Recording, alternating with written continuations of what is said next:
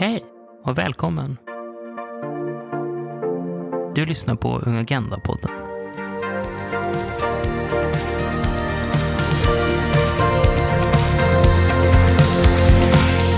Hej allihopa och varmt välkomna till Ung Agenda-podden med mig, Hanna Wärland och Elsie Slogård.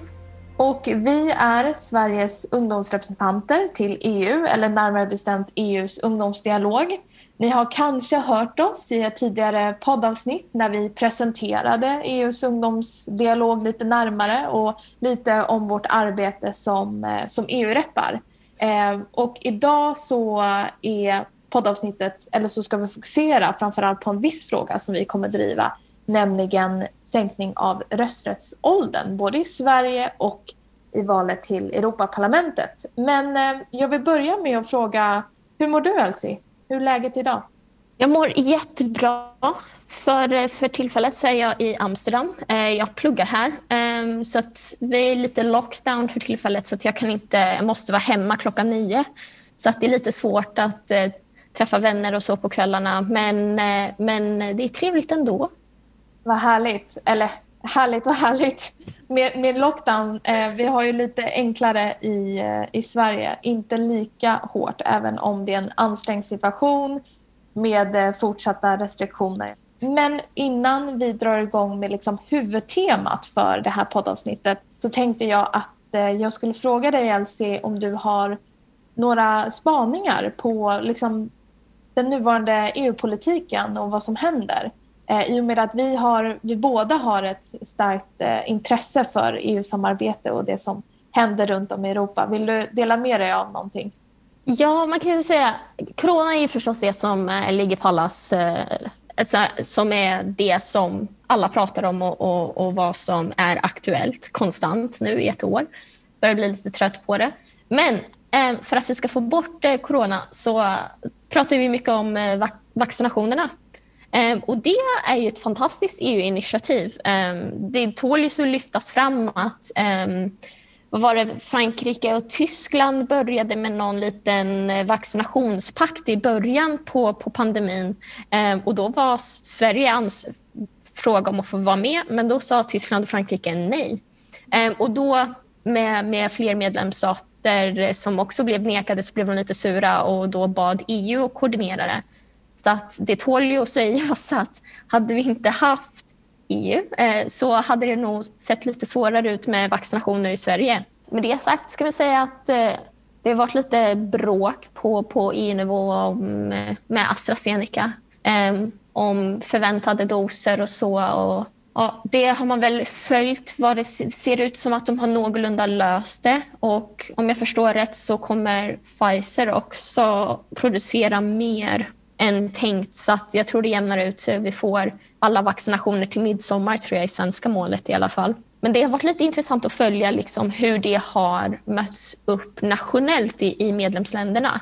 Um, I Sverige så tycker man ändå, min upplevelse av det, det är att svenska regeringen har väldigt så här, skylt både på EU och tackat EU i hela coronasamarbetet och vaccinationssamarbetet och då gett cred så att säga till, till EU. Men eh, till exempel ett annat EU-land, Österrike, så har eh, deras eh, förbundskansler ehm, Sebastian Kurz, han har tagit åt sig äran och sagt att han personligen har fixat alla dessa doser och så.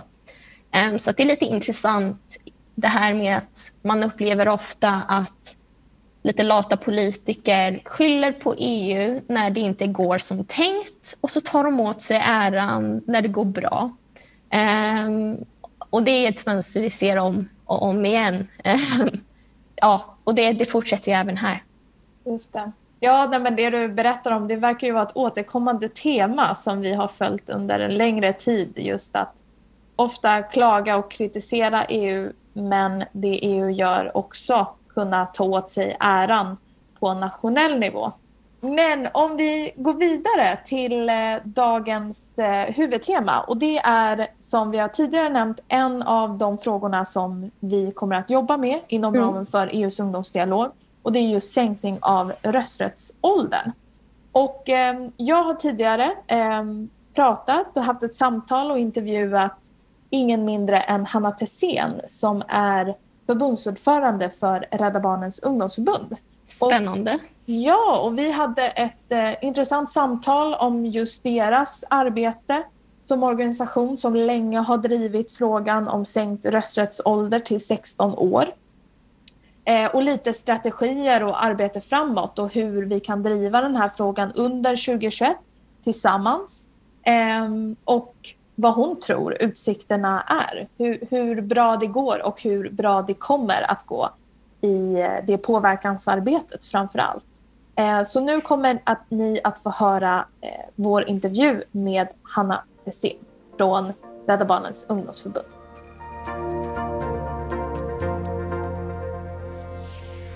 Nu sitter jag och Hanna tillsammans i en poddstudio med en annan Hanna, Hanna Tessén. Varmt välkommen till Unga Agenda-podden. Tack så mycket Hanna. Jätteroligt att eh, du är här.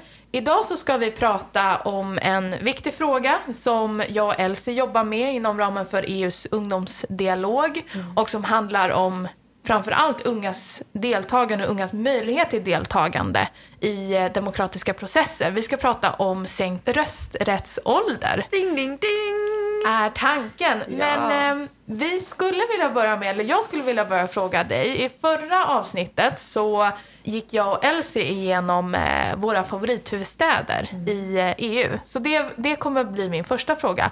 Eh, vilken, eh, vilken favorithuvudstad har du? Eh, jag måste nog säga Köpenhamn. Mm. Det är en väldigt trevlig och fin stad eh, och nära. Man kan ta tåg, behöver inte flyga. Det är mm. bra. Det är bästa, bästa av två världar. Inte Sverige, men ändå, ändå nära. Precis. Ja. Kan du kort berätta om dig själv? Vem, vem är du? Jag äh, heter Hanna äh, och är 20 år gammal.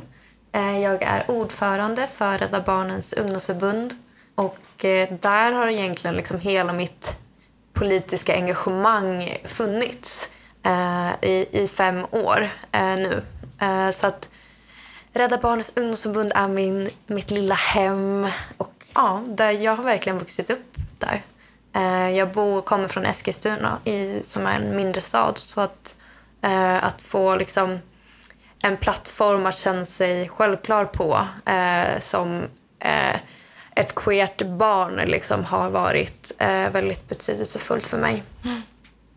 Och eh, du har varit ordförande sedan september eh, men har varit engagerad inom RBUF länge som du berättar om. Mm. Kan du mm. berätta lite kort, eh, många känner säkert till vad Rädda Barnens ungdomsförbund gör men för de som inte känner till er verksamhet, kan du berätta lite kort vad RBUF gör? Absolut. Vi är en queerfeministisk antirasistisk organisation eh, som kämpar för barns rättigheter med liksom barnkonventionen som grund. Så att all politik vi skapar och för är grundat i barnkonventionen och liksom, eh, vi ref refererar mycket till specifika artiklar. Liksom, eh, för att vi ser barnkonventionen som ett otroligt viktigt verktyg i, i kampen för barns rättigheter. Vi är en barndriven organisation. Vi är skapade av barn, vi drivs av barn, för barn. Eh, och vi vi, vi tycker det är otroligt viktigt eh, när det handlar om barns rättigheter att barn själva ska få engagera sig kring deras frågor. Så det är väl därför vi finns till, bland annat. För att skapa ett liksom, självklart utrymme för barn att bli sedda på och få liksom, leda sina egna, eh, sin egna kamp på. Mm. En fråga, en då liksom tematisk fråga som ni länge har drivit, det är just eh, sänkt rösträttsålder. Mm. Eh, och det, när vi pratade här innan, det är en fråga som ni har drivit sen, sen eh, Rädda Barnen ungdomsförbund startade till och med. Ja. Varför ja, tycker ni att det är en så viktig fråga för, för just eh, RBUF att, att driva? Mm. Men, men som du sa så har den här frågan funnits ända sedan start. Eh, och det är en väldigt stor liksom, identitetsfråga för RBUF tror jag. Um, och varför, varför, vi, uh, den, varför vi pratar om frågan är för att det är en, enligt mig och RBUF en av de viktigaste frågorna när det kommer till att ge barn makt uh, kring sina egna liv. Uh, och um, ja, men, helt enkelt. Vi, vi ser det som jätteviktigt att, att ge barn rösträtt. Och det har vi gjort sen, sen vi ska, startades. Så det är väl kort, eh, Mm. kort eh, beskrivning varför vi tycker att det är en viktig fråga.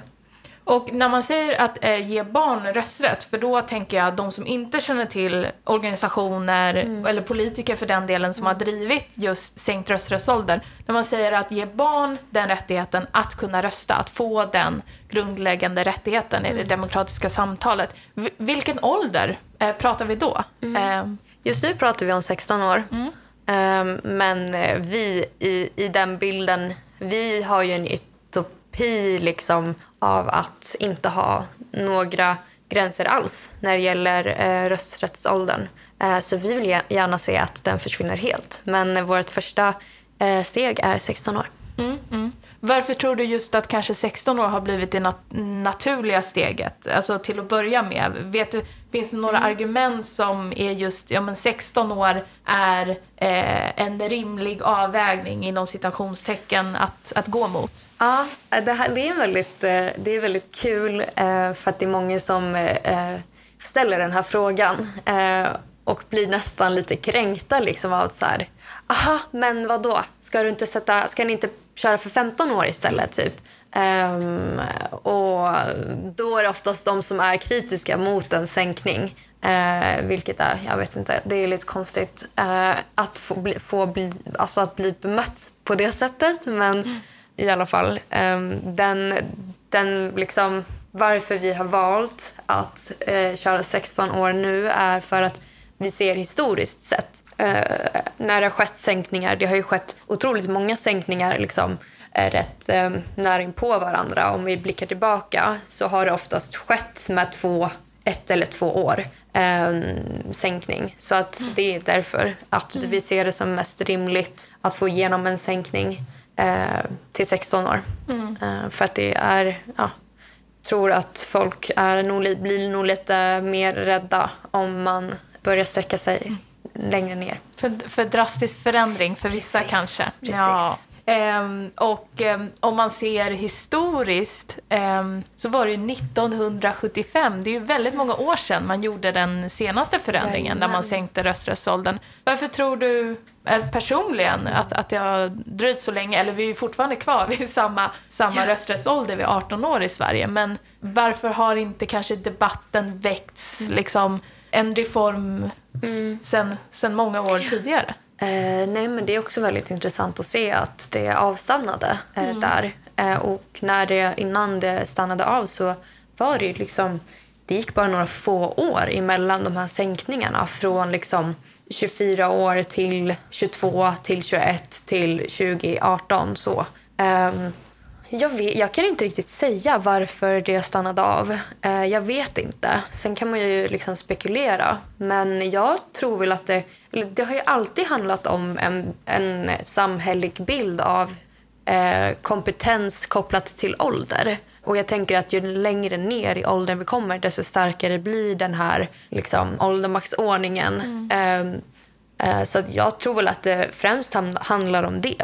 Eh, Att åldermaxordningen blir liksom mer närvarande ju yngre du blir. Eh, Och det är väl varför kanske eh, man har stannat av. att så här, Man har tänkt att det har räckt att ah, nu har 18-åringar fått rösträtt. Eh, De där nere de yngre behöver inte det. Eh, De är inte kompetenta nog. Liksom. Eh, Och det har ju varit en allmän... Alltså vi kan ju se historiskt Eh, Eh, de argumenten vi möter idag är ju samma som eh, förr när man kämpade för sänkningar.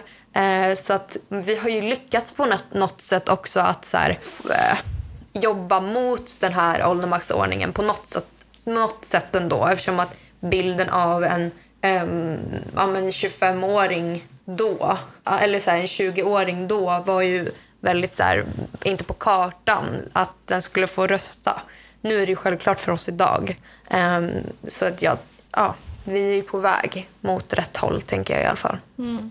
Jag tycker det är tydligt när- jag och Elsie, vi har under hösten så har vi haft eh, konsultationsmöten med många av eh, LSUs ungdomsorganisationer men också andra organisationer som inte är medlemmar i LSU. Och där blir det väldigt tydligt, vi får en väldigt tydlig bild just att alla vittnar om en negativ syn på unga.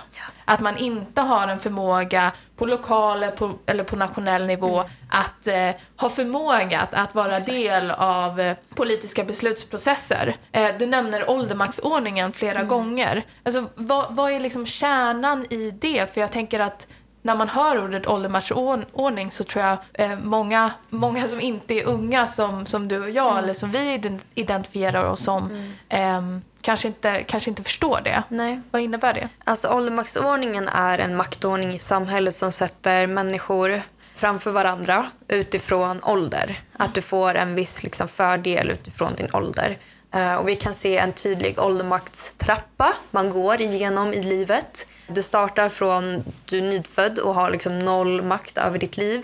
Eh, och du trappar liksom sakta men säkert upp på den här trappan och får lite mer makt. Men under en väldigt lång tid av din, liksom, när du är barn och när du är ung så har du otroligt lite makt över ditt egna liv jämfört med liksom, när du är 45-50 år och har som mest makt över ditt liv. Sen kan vi också se att ju äldre du blir sen, alltså när du trappar ner för den här trappan igen, så försvinner din makt också. Så att vi har ju en syn på äldre idag, alltså gamla personer också som inte är kompetenta eh, och inte liksom kapabla till att styra sitt egna liv och så vidare. Eh, men vi pratar just om barn. Eh, och den här åldermaxordningen gör ju så att vi eh, vi inte ser barn som, som kompetenta individer och som har egna åsikter och erfarenheter. Liksom. Och det är ju det vi pratar om, att barn måste få höras och påverka, påverka sin egna situation för att det är de som vet bäst. Vi tar ett exempel i skolan eh, så är det barn som går där. Det är inte någon gammal gubbe alltså någon gammal man som sitter i riksdagen utan det är barnen som går där. Eh, men vem är det som bestämmer om skolan? Mm. Jo, det är den här gamla mannen som tror att han vet bäst. Bullshit, säger vi. Alltså det är, så det är ett exempel um, på ja, men en åldermaxordning där det är otroligt tydligt uh, liksom, hur maktstrukturen håller tillbaka barn. Mm. Och precis som du har sagt tidigare, det känns ju igen också i debatten när man försöker prata om sänkt rösträttsålder att mm. unga har inte förmågan att kunna rösta, man har inte en viss politisk kompass. Precis. Du bara radar upp massa, ja. massa motargument mm. men, men för de som kanske inte har hört alla andra argument som man ofta hör är att, att barn bara röstar som sina föräldrar mm. eller barn bara röstar som sina kompisar. Det blir ju väldigt, det blir väldigt tydligt att man diskriminerar eh, några, några och, och, att man säger att man har en oförmåga att, att ha en oberoende och självständig röst. Precis, och vi brukar ju, det där är ju typiska argument som vi brukar höra som är otroligt liksom lame. Eh, mm. och vi brukar komma, komma kontra med att så här, okay, men tänk på de vuxna som inte har en egen åsikt, som röstar som dens partner till exempel. Eller röstar som dens väns grupp. Alltså det är samma sak där. Det betyder inte så här, ja, de här grejerna händer i samhället idag också. Alltså det är inte, visst, vissa barn kommer, det kommer bli så. Men det är ju så med resten av samhället också. Alltså det är, vi är mänskliga och det, är så här, det skiljer ju inte, den här grejen kommer inte skilja ålder utan det är bara en sak som händer i våra, liksom, i våra liv eh, och i de kontexterna vi hamnar i.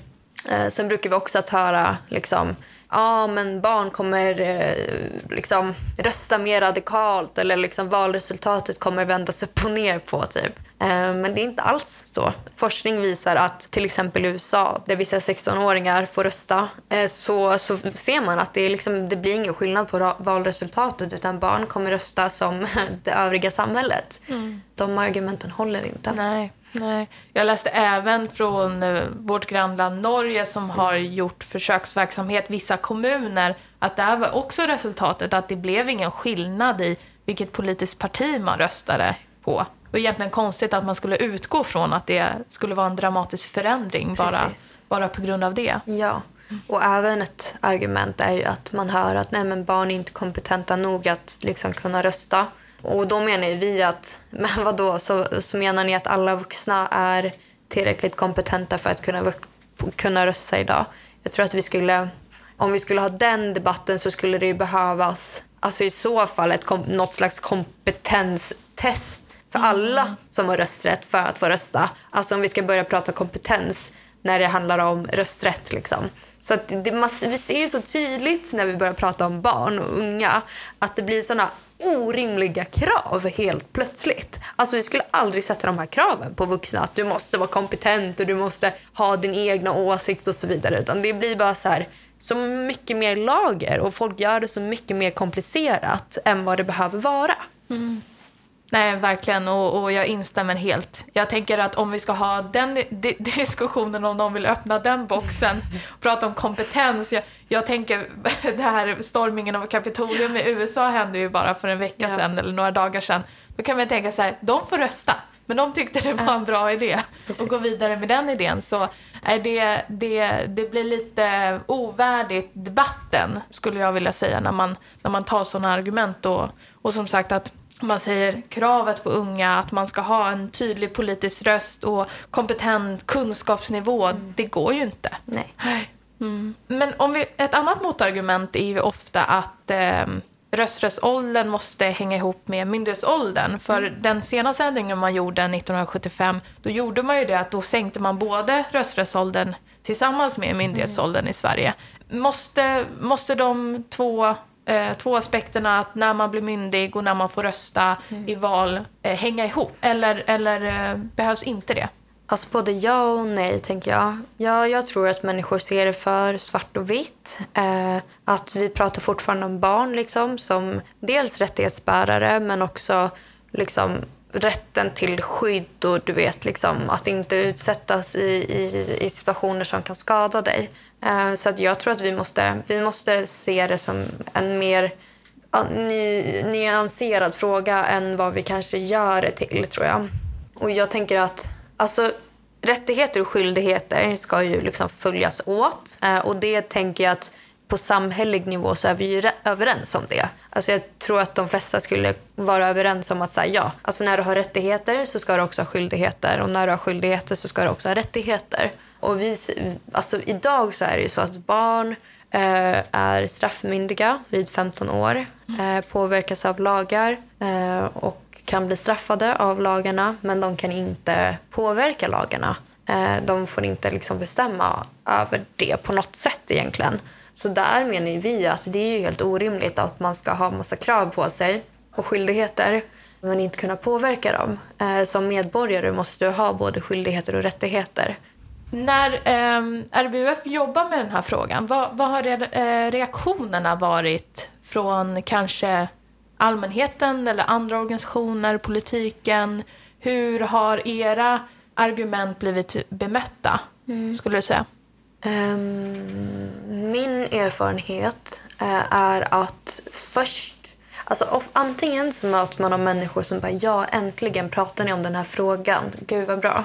Eller så möter man av människor som är så här, lite eh, så här, okej, eh, lite ifrågasättande men ändå inte riktigt har tagit ställning. Att så här, första reaktionen kan oftast vara lite skräm, att man blir lite skrämd av tanken nästan. Så här, va? Ska barn få rösta? Vad är det för grej liksom?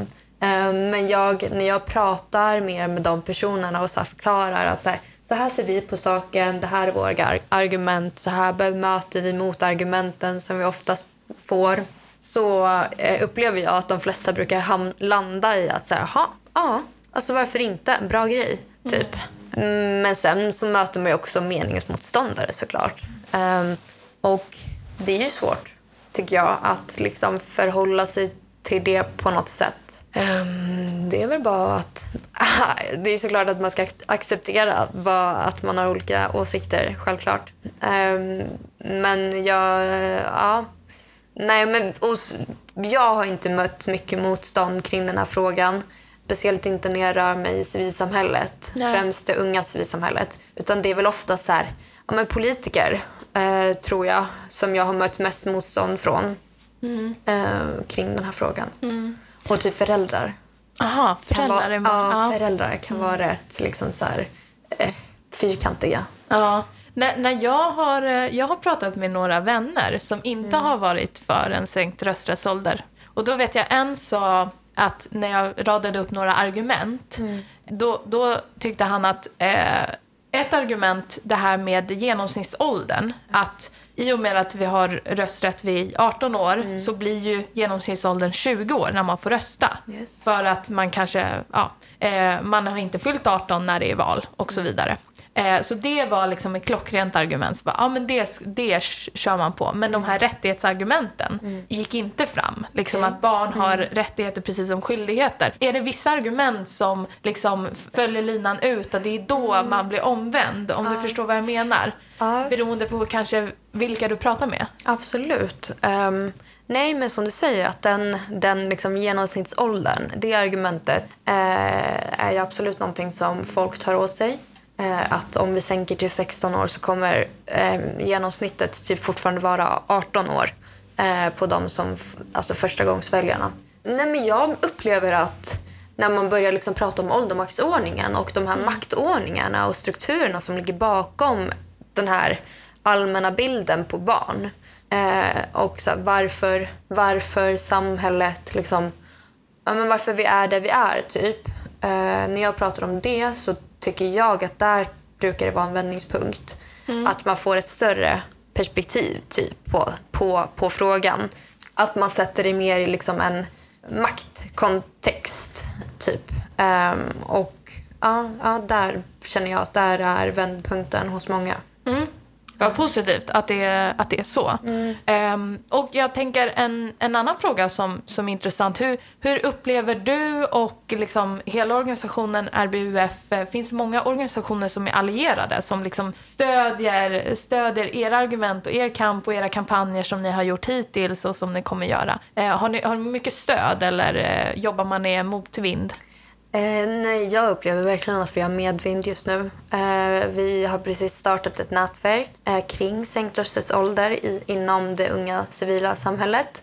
Ja, det är bara fler och fler organisationer som går med där eh, för att man är intresserad av att liksom, eh, vara med på tåget i, i den här eh, frågan. Eh, så det är väldigt kul. Ehm, jag upplever verkligen att fler och fler är intresserade av, eh, av frågan och även fast man inte har liksom tagit ställning inom organisationen på den här frågan, att så här, vad tycker vi? Ehm, så uppmanar vi ofta om att, eller alltid om att men, utred den frågan. Ehm, ta ställning. Eh, för att då ser vi att det oftast hamnar i att man är för en sänkt eh, rösträttsålder. Och ehm, jag tänker hur, lite diskussion eh, snarare, hur kan man gå liksom från ord till handling? Hur kan vi, för vi kommer ju också jobba, jag och Elsie, med eh, sänkt rösträttsfrågan både i Sverige och, eh, och i EU inom ramen för EUs ungdomsdialog. Hur ska vi tillsammans jobba för att eh, sänkt rösträttsålder faktiskt kan bli möjlig? För vi- det finns ju lite olika avvägningar där. Bland annat, vi har ju dels rösträttsåldern, sen är det ju också frågan om det ska hänga ihop med valbarhetsåldern. Eh, men också hur man ska gå vidare med en, en ändring. Eh, ska man ha försökskommuner som man hade i Norge eller ska man gå direkt på en lagändring? Om vi börjar med just sänkt rösträttsålder och sänkt valbarhetsålder. Vad, hur, hur, hur tycker ni i RBUF att det, det ska gå till? Vi pratar bara om sänkt rösträttsålder eh, och tycker inte att vi ska sänka valbarhetsåldern just nu. Dels för eh, ja, men perspektivet av barn som skyddsobjekt. Liksom. Att det, det blir en, en mycket mer liksom komplex fråga om vi också ska pra, prata om valbarhetsålder eh, och liksom vad det följer. Att, så här, att skydda barn eh, och eh, att röra sig i liksom en vuxen värld på något sätt som det då skulle bli av att typ röra sig i riksdagen eller och, och så. Men också så här, kom, parallellt med skola och så vidare. Vi, vi är ju jätteför att, att engagera sig och att så här, ta engagemanget före skolan ibland och så vidare. Men just nu i, i vårt mål att sänka rösträttsåldern så har vi valt att inte prata om eh, valbarhetsåldern. Jag tror just för enkelhetens skull faktiskt att så här, låt oss sänka rösträttsåldern, fokusera på det nu liksom. Eh, när, när du nämner att barn ska skyddas och att det är därför ni vill eh, just framför allt eh, gå vidare med sänkt rösträttsålder men inte valbarhetsålder. Vad, vad är det då eh, ni menar med att eh, barn ska skyddas från eh, ja, exempelvis att, att vara ledamot i riksdagen? Ja, eh, nej men, alltså, enligt barnkonventionen så är ju barn delvis rättighetsbärare men också skyddsobjekt. Alltså man har rätt till skydd och en barndom liksom, utan, utan trauma och våld. Eh, och där så ser vi en risk av att liksom, barn... Alltså, ja, men dels de här hoten som kommer in till politiker eh, men också när vi pratar om eh, stress och psykisk ohälsa och kunna hantera det. Liksom, samtidigt liksom, att gå i skolan och ha det. Alltså, det perspektivet mer mm. att, att, att se barn... Men det här med barndom och eh, rätten till att inte bli utsatt för våld. typ. Eh, mm. så. Mm. Om man ska driva en fråga, för att jag tycker det är intressant just att eh, ungas liksom, fria och oberoende organisering är ju så viktigt för mm. att lyfta upp många av liksom, ungdomspolitiken och ungas rättigheter frågor för att tyvärr annars kommer det inte upp på dagordningen och på den politiska agendan. Men om man säger om man driver en fråga, eh, på vilket sätt tror du mest, eh, mest framgångsrikt att driva en fråga? Eh, vi har ju sett nu liksom stora folkliga protester mm. runt om i världen. Är det det man måste satsa på när man säger organisering i kombination med möte med beslutsfattare, de som sitter och kan exempelvis rösta igenom den här ändringen i riksdagen och en ändring av grundlagen? Eller vad, vad, vad tror vi kanske kan bli mest framgångsrikt? Mm, jag tror att ett väldigt viktigt arbete är det här underground-arbetet. Mm. Att liksom, eh, träffa individer som har möjlighet att påverka det här eh, inom partier och så vidare. tror jag är otroligt viktigt. En av våra första steg vi ser i, som vi liksom, nu när vi börjar verkligen aktivt jobba med frågan är ju att eh, liksom få partier att ta ställning för frågan och jobba mer aktivt. Eh, alltså Miljöpartiet är ju för frågan men jobbar inte direkt aktivt med den. Så att, liksom, om, att få de här sympatisörerna som inte är aktiva men som håller med, att få dem att bli aktiva tror jag är den viktigaste saken. Egentligen när det gäller alla frågor, eh, politiska frågor. Att få de här sympatisörerna som står och liksom håller med, applåderar typ, men inte gör så mycket. Att få dem aktiva tror jag eh, är liksom en av våra stora utmaningar i det här.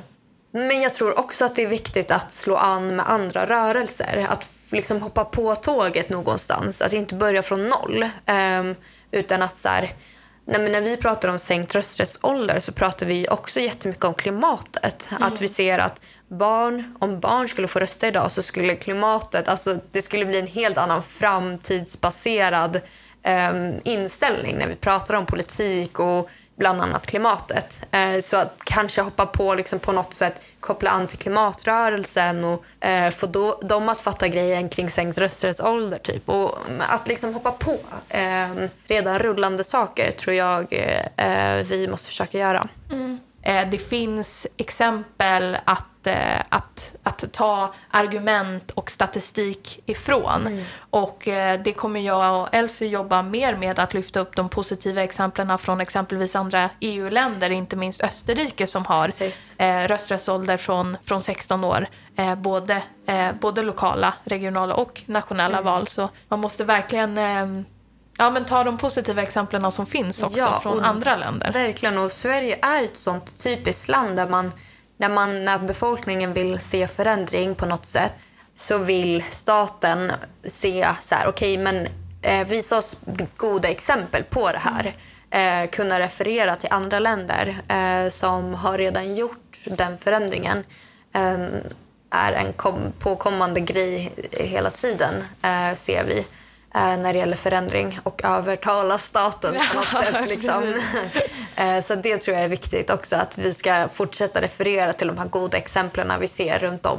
Ja, jag tänker också, finns det någon eh, fara med att referera till goda exempel? Och det, jag vill att vi kommer in lite på det här just med försökskommuner. Mm. det var ju en av ehm, slutsatserna i demokratiutredningen vars slutbetänkande kom 2016 där då den särskilda utredaren sa att man bör införa, eh, de kommuner som vill mm. bör kunna inför valet, jag tror det var 2022 eller kanske redan 2018 var förslaget, att man kan testa på då eh, sänkt rösträttsålder till valen till kommunfullmäktige. Vad är, vad är för och nackdelar med det, skulle, skulle du säga? Eh, Alltså jag tror att ehm, en fördel är väl att det är många som anser att vi bör gå den vägen. Eh, att köra testkommuner och liksom på något sätt gå med. Typ att säga okej fine vi, vi testar. Ehm, men jag tror väl också, jag vet inte riktigt om jag tror på att, att testkommuner är den rätta vägen att gå. Eh, för att jag ser det lite som att så här, okej men om vi är överens om att vi vill ha en sänkning på rösträttsåldern varför ska vi då behöva testa den eh, innan vi eh, liksom eh, sänker den på riktigt? Det är som att vi då inte riktigt tror på grejen. Eh, och framförallt inte tro, tror på de barnen som ska få rösträtt. Att säga okej, okay, här, ni, först ska ni få testa. Vi, vi prov, provar er. Hur går det? Vi kollar. Eh, och sen får vi se om ni får rösträtt eller inte. Och det tycker jag är liksom fett keft eh, och eh, säger emot väldigt mycket av det vi i RBUF står för och jobbar för i den här frågan. så du är lite mer slå på stort liksom? Absolut, Allt det är jag. gång. Ja. Absolut. Och om man lyssnar på den här podcasten och tänker att jag vill vara med och själv driva frågan, om man är en privatperson, om man är engagerad i en ungdomsorganisation, en annan organisation. ehm, vad, vad kan man göra då? Eh, Då, eh, skulle du säga? Eh, ja, men jag som ordförande för Rädda Barnens ungdomsförbund måste ju ändå säga att eh, kom och engagera er med oss. Eh, framförallt bli medlemmar. Det är gratis och ju fler vi blir desto större röst blir vi. Så det i sig betyder väldigt mycket. Eh, men men liksom engagera dig i en organisation som har tagit ställning för den här frågan och vill jobba aktivt eh, för frågan. För jag tror att ehm, men vi kommer längre om vi organiserar oss i större nätverk. Liksom. Eh, så om du är en egen individ eh, som vill liksom, lägga ditt engagemang någonstans, gör det i en organisation. Ehm, och eh, liksom och jag kan förstå att om man är en individ som inte riktigt har koll kanske på civilsamhället eller så, så är det, alltså kolla in hemsidorna för organisationerna och liksom hitta en mailadress och bara mejla in att du, du vill engagera dig. Eh, för att det, det tar ju vi, alla organisationer, jättegärna emot, liksom engagerade personer. Så att ni är varmt välkomna att eh, joina kampen. Verkligen, instämmer helt med det. Hanna, det här var jättekul att diskutera eh, rösträttsfrågan med dig, sänkt rösträttsålder. Eh, vi får hoppas på en eh, händelse, händelserik vår helt enkelt, Verkligen. eller år 2021. Där vi eh, tillsammans eh, kommer att eh, driva frågan och Ja. driva påverkansarbete. Gud vad det ska hända grejer! Ja, jättekul. Trots coronapandemin så kör Ja, vi bara på. Eh, så ja, vänta och se och häng på helt enkelt. Stort tack Hanna för den här Tack. pratstunden. Tack.